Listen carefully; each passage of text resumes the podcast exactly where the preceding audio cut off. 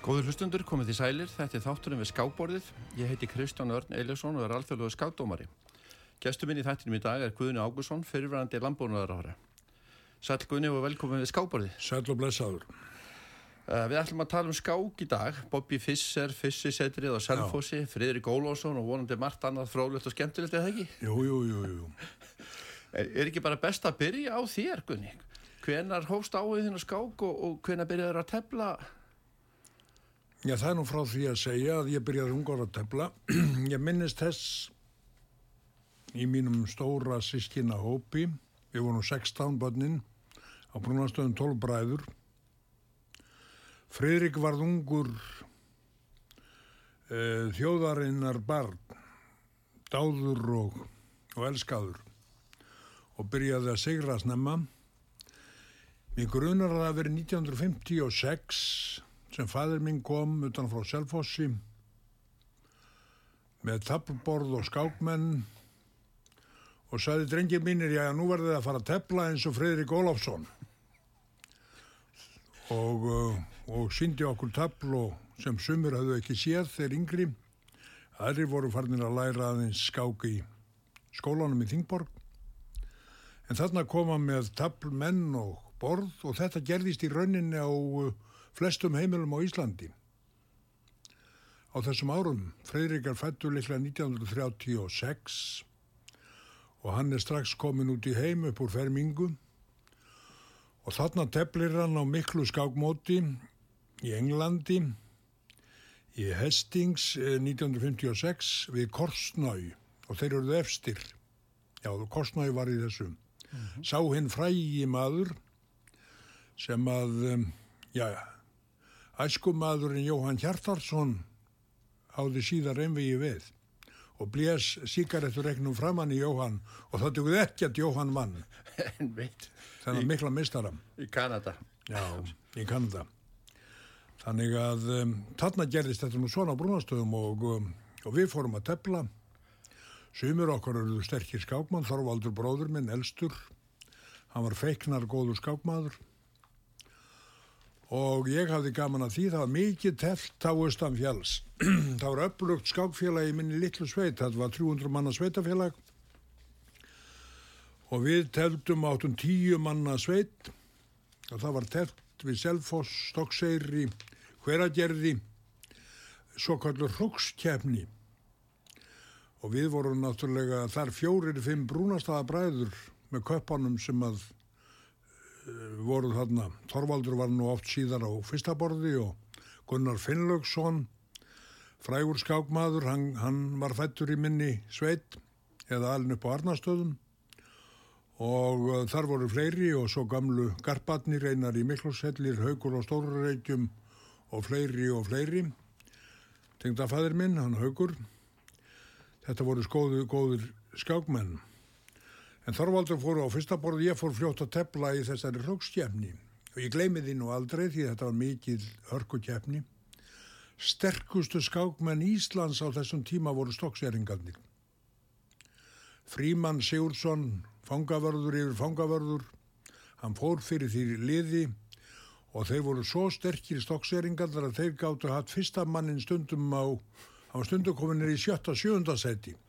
Þarna var Guðmundur S, þarna var Dotti eða Guðfinnur uh, Ottósson, þarna var um, Eyjólfur Óskar Eyjólfsson og, og uh, Henning, uh, þarna var Stendor Guðmundsson og fleiri og fleiri, mjög sterkir, skipabræður Hannes og, og, og já, Hannes og hann skipa bræður þú myndist á Gunnar Felljónsson á hann ég tók með mér hérna ammaliðsriti sem mjög veglegt og flott blad sem að þið gáðuð út hérna á 30 ára uh, ammaliði skákfélag Selfos og nákvæmst 2019 Áður færði það þá ætlum ég að segja söguna því þegar við unnum stokksveringarna Já. Þetta var náttúrulega mikil keppni og þeir voru langsterkasti stokksveringarnir og selfisingarnir með Magnús Gunnarsson á fyrsta borði og, og svo voru hvergerðingar líka En eitt sinn vorum við orðin það sterkir í litla hröngjarisrefnum að við unnum gleymi því aldrei. Þá komu, þá var fór það fram í Þingborg, Fríman var vanur að halda myndalega ræðu hversins eða unnu okkur stokkseringarnir, en nú gerðist það að við fengum sex vinning og þeir fjórir, fjóra. Það var engin ræðahaldin og ekki drukki kaffi, þeir fóru heim og þegar mjökkubílstjóra kyrðu um stokkseri morgun nettir voru allir í vondu skapi á stokkseri því að, og töluðu yllu um brúnastæðabræður. Þetta hafði nú skákborðið sem Ágúst gaf okkur og kvatti okkur til þess að tepla eins og Freyrik Rólafsson. Þessi áhrif hafði það nú á þessum tíma. Er bara farið eftir þessu. Já, menn fór að tepla og það er mikið teft í minni sveit.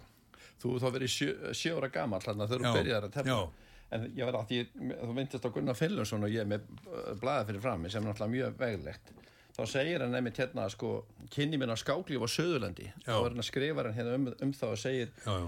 ég minnist mikil skákáhuga í árniðsýslu 1958 Fridrik var þá nýbúin að vinna sæti á áskorandamótunum með frábærum árangri í Porto Rós. Þá var stert skákfélag í hraungerðisreppnum þá er hann skákfélag var hlut af ungmennafélaginu Baldri. Alveg rétt. Og hluti af því. Ungmennafélagi mitt hér Baldur og ég var formaður þess á tímabili Svo voru skarpjöðinsmenn með á landsmóti, UMFI var með landsmót, skarpjöðinsmenn áttu alltaf sterkast Þannig að á Suðurlandi var mikið af skákmannum eins og reyndar um allt Ísland og hugsaðu þér það nú að við Íslendingar höfum egna 16 stórmeistara. Það er engin þjóð í veröldrinni sem er egnast jafn marga, hlutfalslega jafn marga eins, uh, stórmeistara eins og við. 16 talsins jafn marga á krakkarnir á brúnastöðum ah. og svo Fischer, Bobby Fischer þann 17. Þann, þann 17. Já. Við eigum hann auðvitað, hann var Íslandingur fyrir rest Já.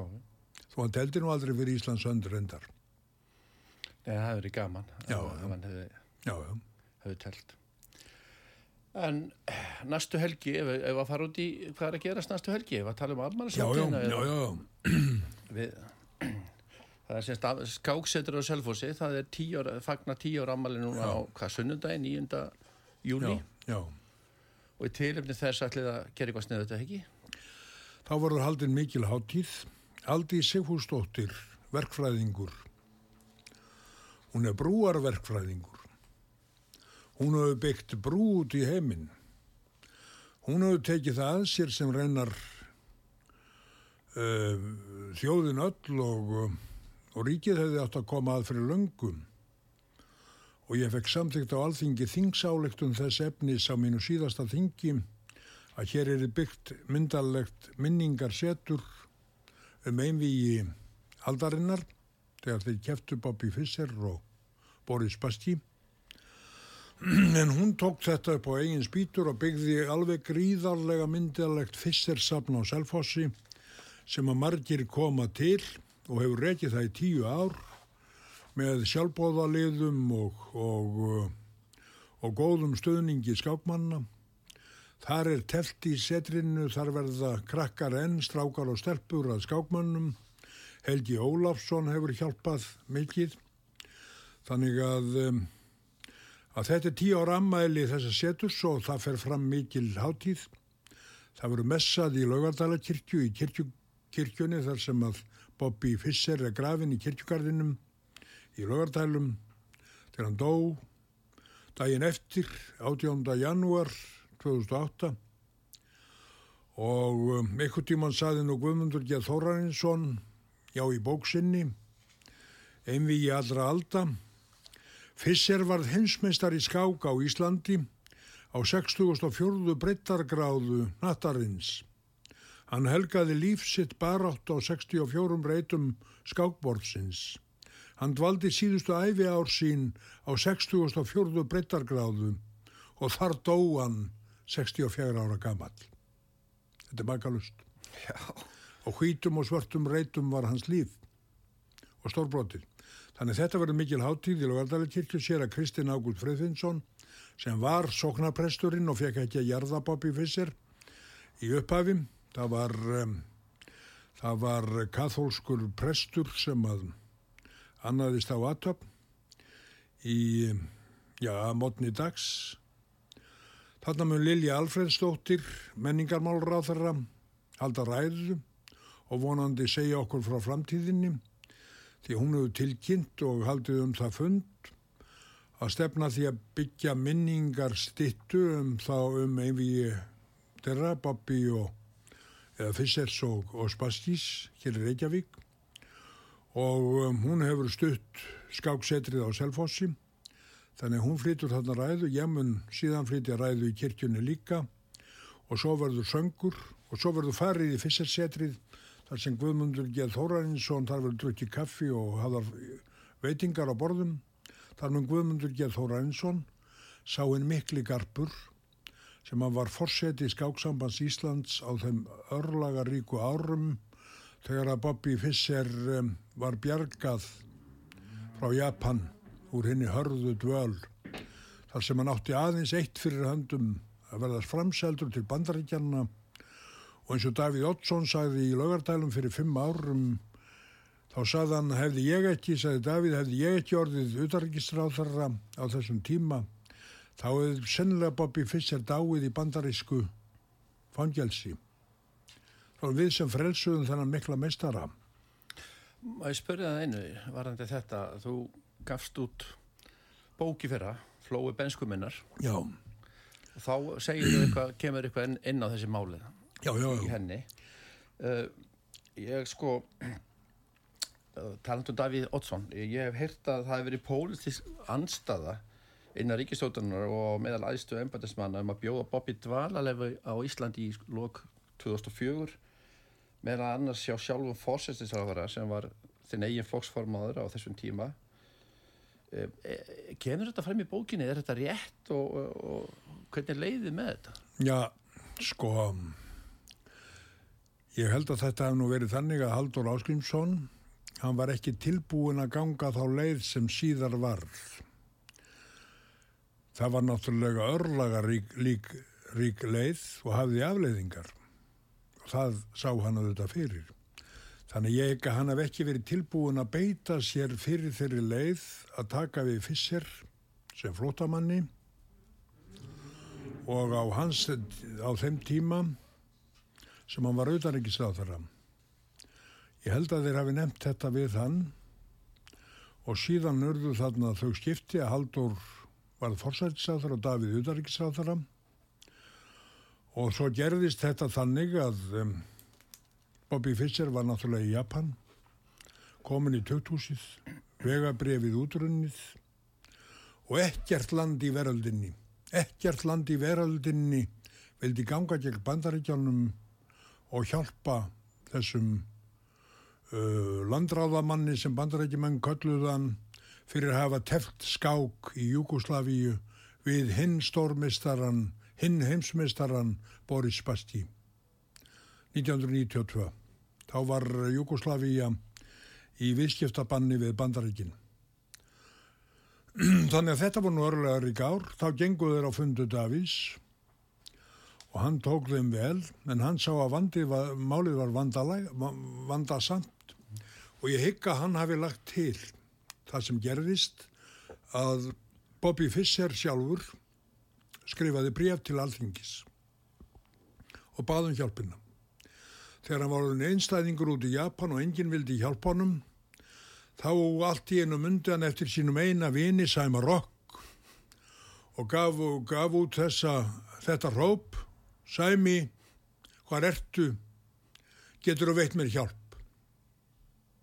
Og Sæmi fór til Japans og svo stopnuðu þessir vösku menn um, þegar hann kom heim RJF samtökin um, uh, Guðmundur G. Þórarinsson þar í fórustu Garðar Sverrisson uh, Helgi Ólafsson um, það voru Einar S. Einar S. Einarsson og uh, Magnús Skúlason. Og einn var nú enn var það ekki? Einn mann og enn. Það má ekki gleyma mönnum í þessu. Uh, jájá já. en þeir stopnaðu þessi samtök og um, og hófu baráttum og ég held að það hefði síðar komið upp þetta með að Fisser myndi skrifa Og Davíð sagði við strax að hann geti ekki orðið flóttamaður, það myndi ekki leysa málið.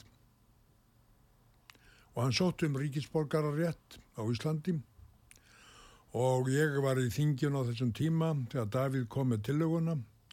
Og hún var bæði samþygt af ríkistjórn Haldur Áskrimsinu og öllum ráðharum ríkistjórnarinnar og samþygt með öllum greitum atkvæðum í þingjunum nema tveir sátu hjá.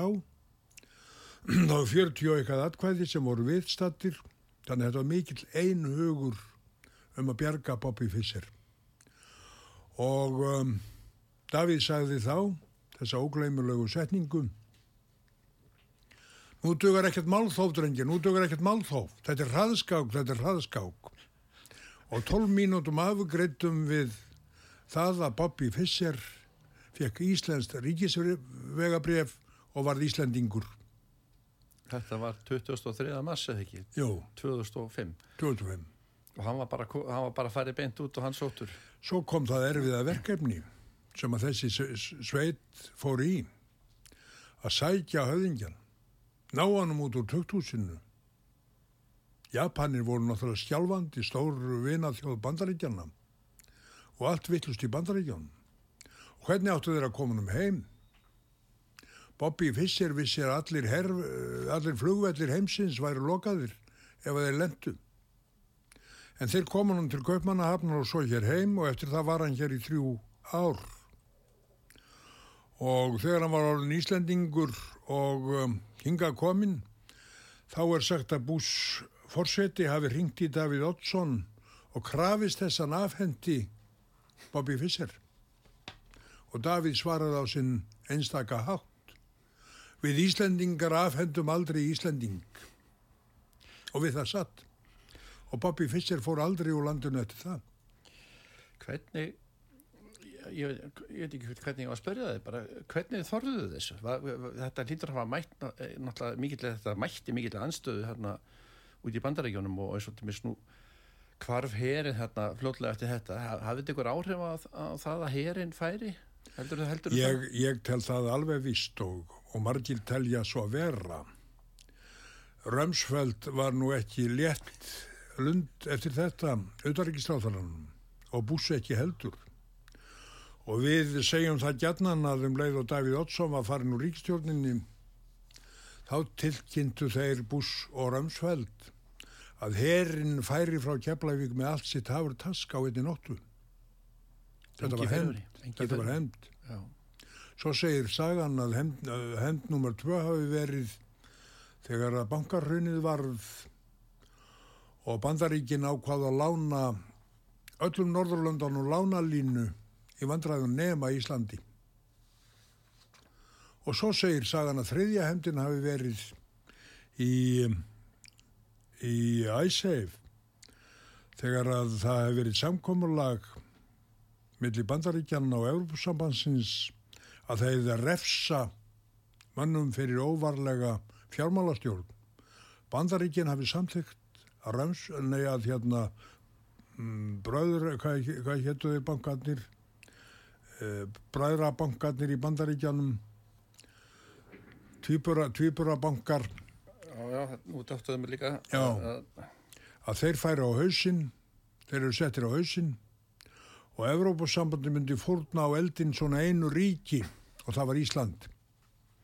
Og um það stóð stríðið og við þekkjum æsseif stríðið sem var bæði hart og mikið og hér satt nú Sigmundur Davík Gunnarsson aðan í viðtali sem aldrei fjælst á ISF og, um, og þetta var hitt harðasta stríð um, þannig að um, þarna átt að gera Ísland gældróta segja menn og ganga harta þjóðinni það var NATO þjóð það var NATO þjóðina sem gengur að Íslandi þá þá hefði ég að sliti stjórnmálasambandi við Brelland þegar Gordon Brown fór mikinn í því stríði gegn þessar litlu þjóð Og Davíð misti nú þessi stóru orð, ekki út úr sig, ég held að hann hefði sagt þau alveg ásettur á því og þau lega við enn.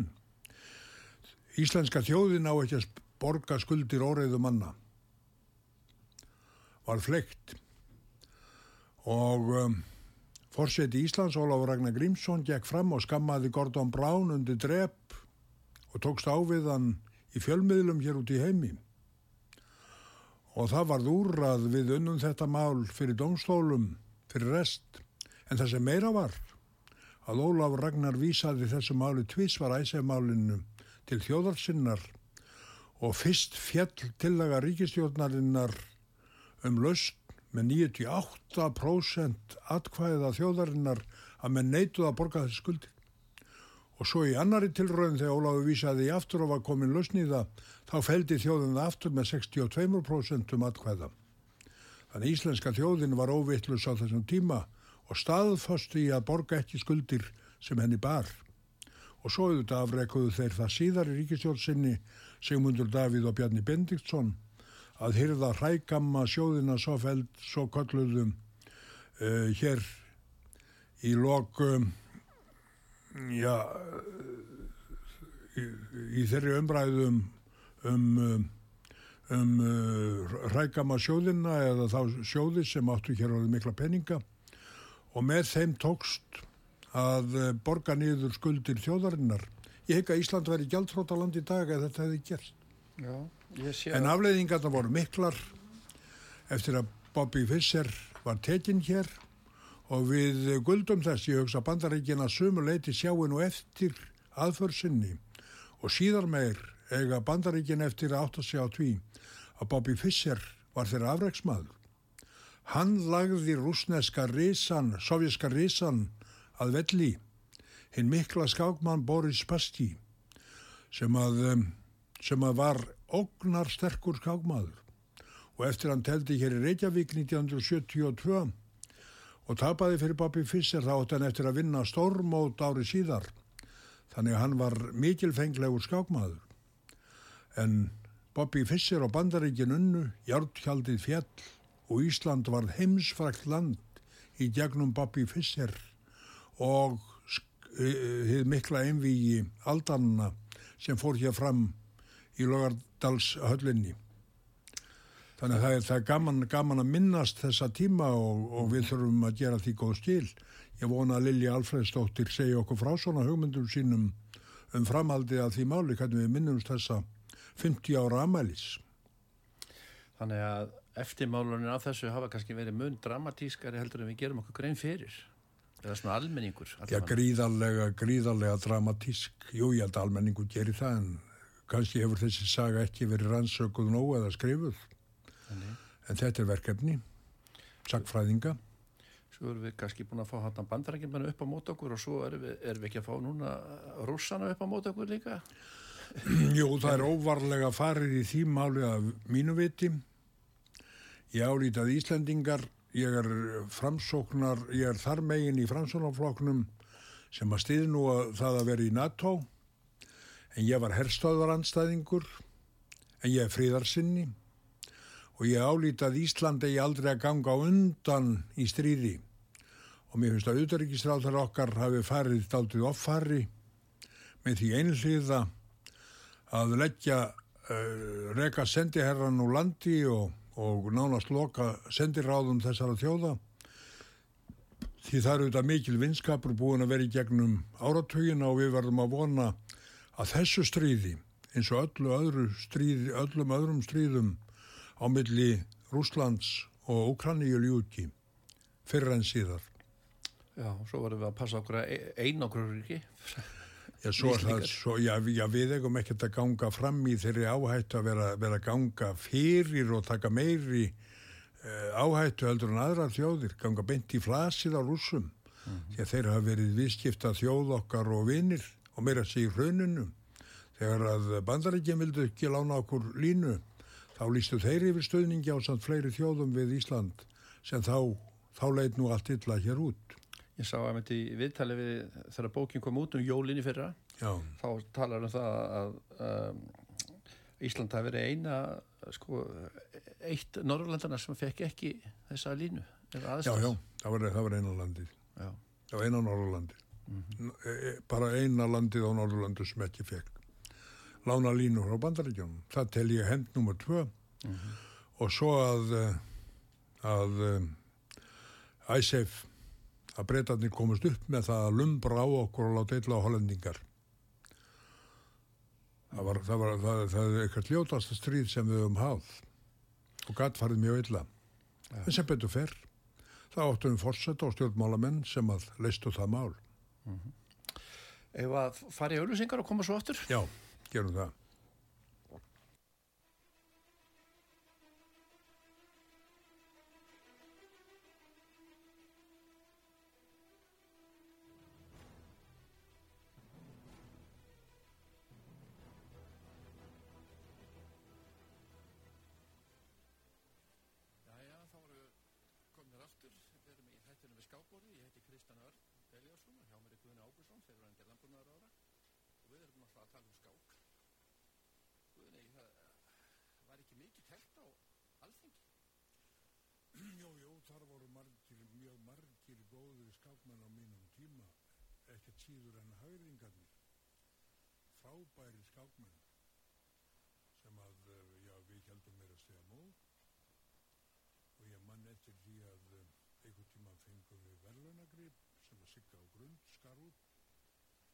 það var bræða refurinn ansi flott listaverk sem að var Sigur Launin ég mann nú ekki hvort að Gunnar Bilgesson eða Rúði Bergvinsson fengu fyrstu velunin en þetta var gríðarlega fallet listaverk hjá Siggu eins og vil verða. Hún er nú mikil feng hún skar nú út heilan hamar núna fyrir mikla fundin hér um, hjá EFTA hörpunni þannig jújú, það var mikið teft og svo var vaktinn náttúrulega Fredrik Ólafsson með alla sína list yfir, yfir hópnum Djúsa verið þarna bara nokkri menn sem jöðruðu við að vera stórmestarar. Já, og allavega einn mjög góði stórmestari. Já, já. Fredrik. Og svo Fredrik. Guðmundur Þóraðinsson var þarna líka í þessari sveit og tímabili og, og fleiri og fleiri og við höfum gaman að því að tefla. Og meira sé á þessum tíma þá hafði ég það heima á Selfossi á hverju ári og teldi ég um hvita hrókin, nei hvita rittaran Nei, nei, hvítarhólkin, það er trókurinn, já. Og um, þar valdi ég marga vini mína til að koma og eitt sem bauði ég Fredrik sjálfum.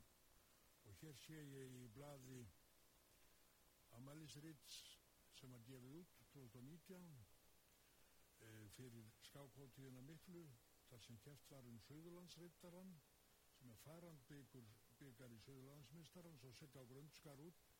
Gríðarlega fallegt listaverk hjá henni. Að um, þá sé ég mynda mér ungum og dökkarðum og sirra mín, dóttur mín sittur hann við hlið mér og fylgjast með skák föðursins og það er sjálfur Freirik Ólafsson sem sittur hinn um mig með borði þannig að hann var heiðurskjastur þessa kvölds. Við vorum enn í tíum Freirik auðvitað vann mótið. En ég vann einstakta afreg ég náði jafntöfli við Freirik nú? Og um, hér má sjá skákina og ég hef látið mistara mikla eins og Jón Edd og fleiri Helga Ólafsson fara yfir þessa skák. Og hún er steindött jafntefni uh, gestir mínir held að Freyrík eða kurteysi sinni þetta jafntefni Freyrík var nú ekkert sérstaklega eftirlátur að gefa eftir vinning ef að var hann hann var nú harðskiptur sóknamaður og mikilfenglegur skákmaður. Þannig að þetta er nú eitt af afreikum minn, ég mun aldrei tefla við Freirik Ólafsson framar. Ég ætla eiga það í minningun að ég hef gert jant við Freirik, þetta segi ég oft í mótti mínu. Já, þú ert búin að fá greining á skákinni og steindött. Þetta var steindött jant, teflin. En Freirik var nú mikil skákmaður þegar ég var strákur, ég var að segja það frá því þegar fæður minn kom með eh, skákborðið heim á tafmennina og sagði okkur að gerast nú skákmann, reyngi nú gerist til skákmann eins og Freirik Ólafsson að þetta var náttúrulega svo spennandi lengi vel með Fridrik hann var að keppa við þessar stórmeistara heimsins og um, var mikil snild og stundum var kappleikjum hans lí, líst bara eins og íþróttaleik Sigurður Sigurðarsson eða eitthvað er lístu þessi útvarpi. Fridrik teflir og Fridrik er að vinna og, og Fridrik með afbúrða góða stöða nú er hann komin tímarræk þá saði gömul kona af hverju getur hann Fridrik aldrei byrja þessa skákir sína fyrr? Svona var nú ævindýrið í kringum Freyrík og hann fylgti öllu hús þar sem hann kæfti og hér kæfti hann náttúrulega við þessa stóru mistara bæði Rúsanna og Bent Larsen var hér í miklu uppáhaldi og þeir tókust oft á þannig að um, þetta var feikilega gaman. Það er engin spurning að Freyrik á staðstan þátti því að um, með, með íþróttsinni og snill að við eigum svona marga stórmistar og marga skákmenn karla og konur í dag. Konur, við eigum eina konu sem er stórmistari hvað heitir hún stelpann? Lenka Pasnikova Já, er hún ekki frá Ukraníum? Nei, hún er frá Tjekklandi, en svo er komin önnur Já. sem heitir Olga, hún er frá Ukraín Hún er frá, ó, er, hún er á góðri leið. Já, hún er sterkur svona Já. þannig að við erum með við erum með bara nokkuð gott hvernig núna. Svo kom halvur Íslendingur eða íslensku strákur frá Ukraníu Jónasson, frendi Margreðar hvað heitir hann? Tómasuk Já, hann er, hann er í mikill framfór hann er búin að fara mikill gríðarlega gríðarlega efnileg Hittu nefnir hann guður ekki þá hérna, hann var að ná sínum öðrum áfangan að alþjóðlega mistraðartilli Mhm. núna, fyrir Já. þannig að hann á bara einn áfanga eftir og, og svo Stórn, þá, er hann alþjóðlega mistar alþjóðlegum mestari og hann er ekki nema hvað? Átján ára. 18 ára. Já, já. en það er engin spurning að Freyrik hann gerði Íslendinga skákmönnum og svo náttúrulega einví í aldarinnar þegar Fisser og Sparski kertu. Og Fisser á stóran þátt í því hvað margir eru skákmenn þá. Þá kom nú hvað allir þessir ungu menn sem við köllum og eru kallar núna á 60 aldri líklega Helgi Ólafsson og Jóhann Hjartarsson Jón Ell og Margir Pétursson og fleiri og fleiri spruttu fjórmenningar líka þannig að, að þessir menn eiga náttúrulega langstæðstan þátt í því að við erum þessi mikla skákþjóð. Og svo er þetta eitthvað í genanum kannski þetta er auðvitað þróskandi íþrótt og um, ég sá að Lili Alfredsdóttir sagði einhver staðar um, að um, það væri náttúrulega mikilvægt að taka skákinu upp meira í skólum. Skólar keppa nú sín á millinu þannig að uh, þetta er góð andleg íþrótt skákin og þróskar hugan ég mig langar að leiðrétta það áðan að ég fór rámt með nafn vinnar míns Einar Steindorsson sem var snillingur stokksveringar einar snillingur stokksveringarna það er Einar Steindorsson sem var þar einn fremst í Magnús Gunnarsson og Selfossi Þorvaldur bróður minn í Höngjæðisleifnum og, um, og Gunnar Finnlúksson þannig að um, þetta vildi ég leiðrétta.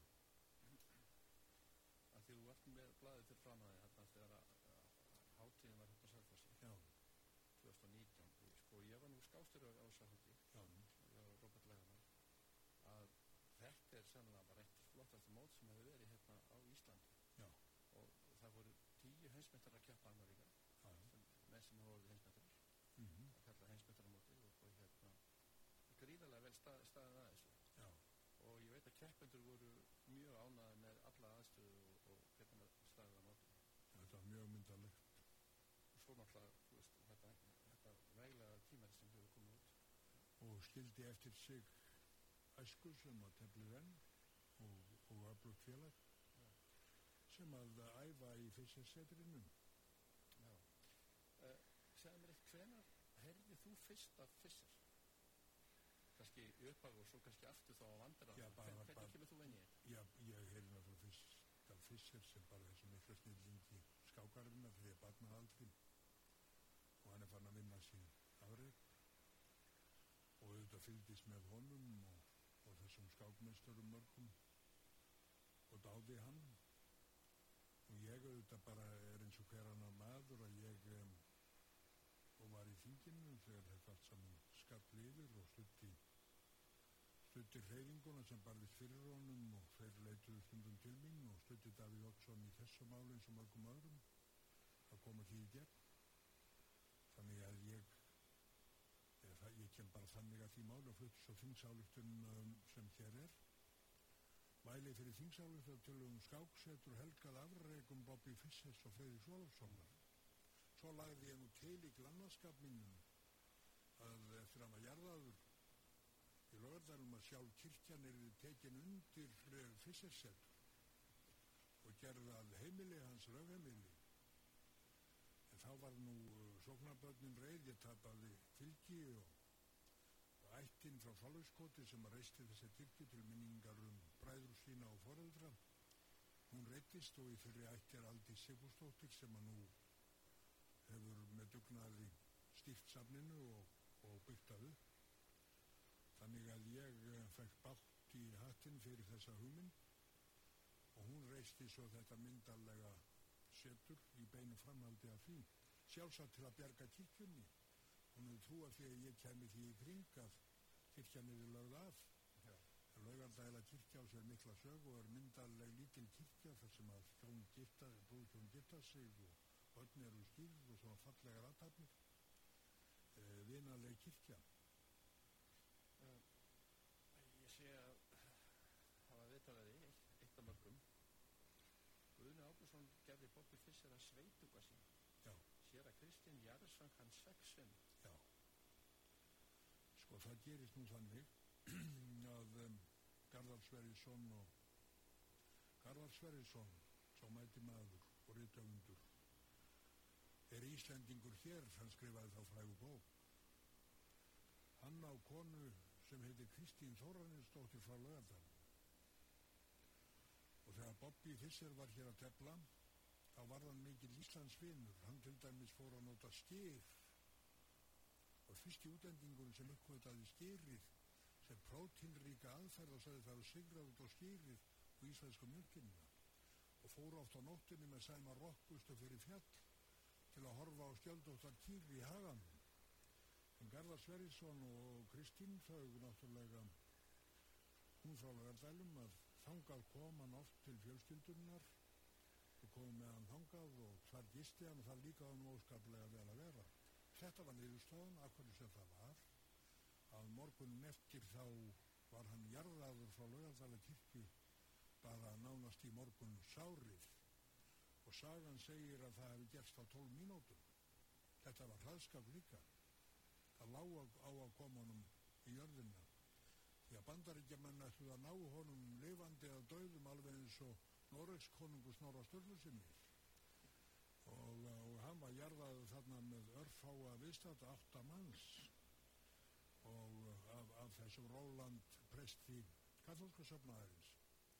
Svo segir sagan að menn hafi ferðið að ringja í sér að Kristinn Ágútt Friðfinsson soknaprest og menn hafi ringt í hann og sagt það er búið að jarða Bobby Fischer. Og ég var ekki þar Ég var ekki þar heldur, saði sér að Kristinn Ágúst Friðinsson. Ég er sóknaprestur. Þetta var lögubrótum meðjan og það má ekki gerða manna á Íslandi nema fá síslumannsins leiði til þess. Já, hvað getum við gert, sagðu sérgjendundur? Já, ég sé að það sé eitt ráð. Við verðum bara að jarðsingjan aftur og svo var Bobby Fischer jæðsungin aftur. Þá ringdu fleiri og Kristinn hafði bara þessi sömu sögur hann sagði við uh, sirkjendurna ég hafa bara eitt ráð. Við höfum að jæðsungin aftur. Og svo var hann jæðsungin aftur. Og Þóru Viffússon hinn miklu segnamistari okkar suðendinga sem að hefði gett að skrifa njálu hann var slíkur snillingur í, í orðum og, og ræðum Hann sagði að Bobby Fischer væri jarðsungnast í Íslandingur allra tíma þegar jarðsungin sex sinnum frá lögardæla kirkju. Og síðan á lokum var það sér að Kristinn sem stóð við gröfans og stóð vörð meðan Ólafur Helgi Kjartansson Rolling Stones aðdáandi og síslumadur okkar grófan upp og Óskar um, Læknir Reykdálsson tók úr honum síni því að kona sæði stega bann með honum og vildi ná í þessar 300 miljónir. Þetta var getið meðan okk og miljónir manna fylgdust með þessum uppgrættum. Og síni var tekið upp á fyrst þá helgi típ. Það voru þetta halgjaf helgispjöld og uh, raskar gravar ró. En svo var, svo var það Kristinn sem að þeim í síðasta sinn.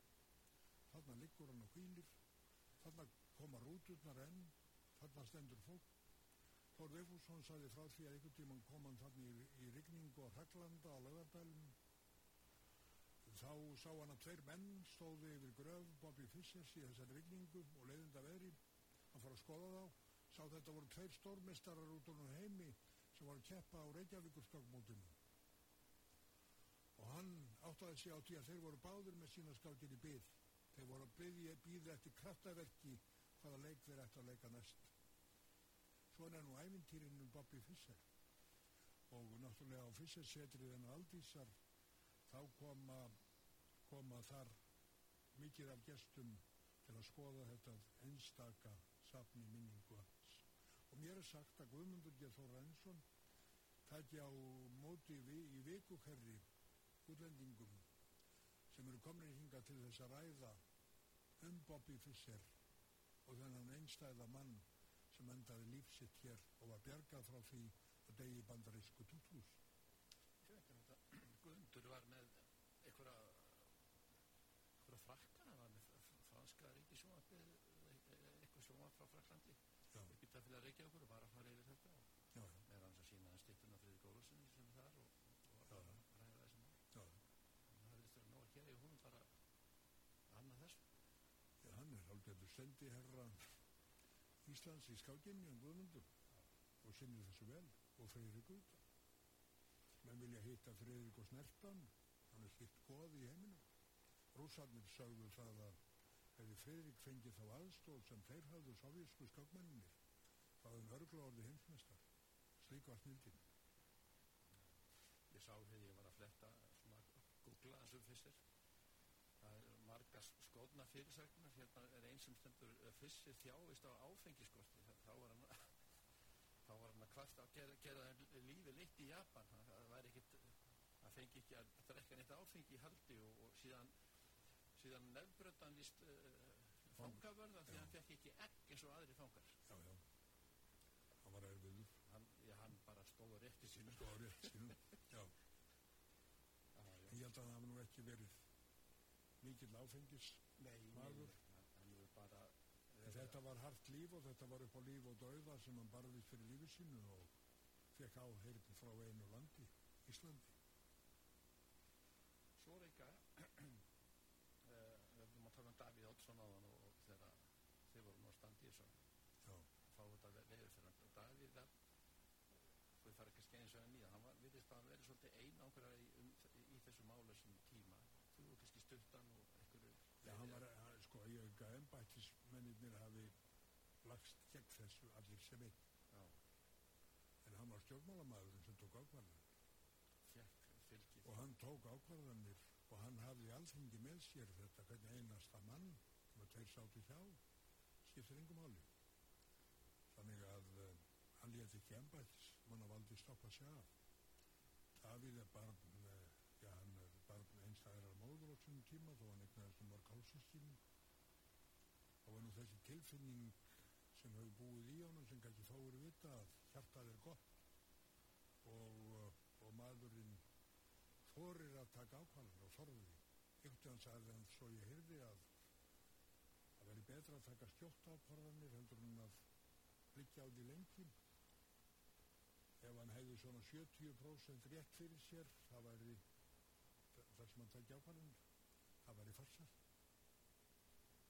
þannig að hann náttúrulega var kjarkaður maður ég hekka þessi rétt sem hann segir að hefði hann ekki verið í þessari stöðu þá hefði Bobby Fissi ekki verið björgað Ég sé hérna líka að þessir var líst sem ofsvöldnabræður með öfgakenda skoðanir, svona í dagblöðum. Menn hefur ágjör að fá hann til landsins að hann er ekki vandrað. En þá saði Davíð, Bobby Fissi verður ekki eini vittlisingurinn hér á landi. Stóma hann til landsins. Þetta er líkt honum. Þetta er líkt honum. Þetta er líkt Davíð og Garðar Sverrisson og, og Kristín Þórænsdóttur og margir fleiri hérna nú vittnaðum það að hjartað í Bobby Fischer var nú gott og hann var í sérstæður og, og styggur stundum í skapi og sérvittur þá var maðurinn góður og, og vingaðist við menn og ágæta vinni og þú sér það náttúrulega sjálfur Boris Spassky hann var mikill vinnur hans og hafði orðað því að liggja í lögaldala kirkjukandi líka þegar hann var dáið Já, emitt við hliðina. Ég sá það líka, hann hefur mistað það. Er, er ykkur alvar í því? Já, ég veit ekki. Hvort það er? Þeir nú fláttu það samir að Boris Spassky var svo líka flott og já, já, hann flyttið til Fraklands og, hérna, og þeir voru reykað um heiminn, landlaus. Já. já, en mér sagt hann sé nú í Moskvu núna ef hann er lifandi að segja. Já, já, en hann er verið líka veikukallin já, já. Erum við að gleyna einhverju hunning? Ég veit að það er alltaf fullt sem við erum að gleyma. Já, já, þetta verður fyrir eilífa mál næstu þúsund árum. Það er ekki? Að ræðum Bobby Fischer og Björgunarstarf Íslands og við munum vaksa virðingum og þetta verður einst okkur erfitt á tímabili vegna þess að bandaríkin sættu sig ekki við að þessi litla þjóð sem hefði nú staðið svo vel með þeim að hún beitti sér gegn þeim í þessu einstaka skriktna máli að þurfa endilega að ná í sinn snilling mannin sem gerði bandaríkina sigur sæla og ná hinsmestaratillinum manninu sem orsakaði það hér á Íslandi að við heldum höfðafundin uh, 86 hann hefði ekki verið haldið hér nema því að eini í aldarinnar hefnaðist vel. Þannig að við skulum bara vera sáttur við það sem við höfum sagt hér í dag. Þetta er ótæmandi umræður Já, við því að þátturum er nú að líða undir lok. Uh, gestir hafa valið sér lag Já. í lokþáttan sem við spilum. Hvaða lag?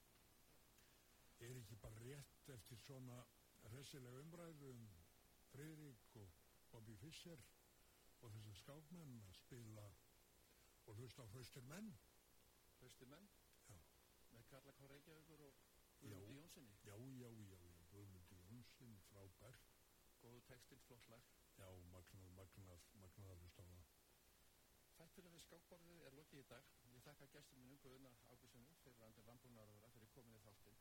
Og afa flóðlegt og mjög skemmtileg takk Þorstin Sigurssoni, þakkaði fyrir tæknumál og stjórnum úlsendingar og hlustöldum öllum fyrir hlustöðuna. Við skulum hlýða á lægin Haustumenn með Karla K. Reykjavíkur og Guðmundi Jónssoni. Ég heiti Kristján Örn Eliasson, verði sæl og góða stundir.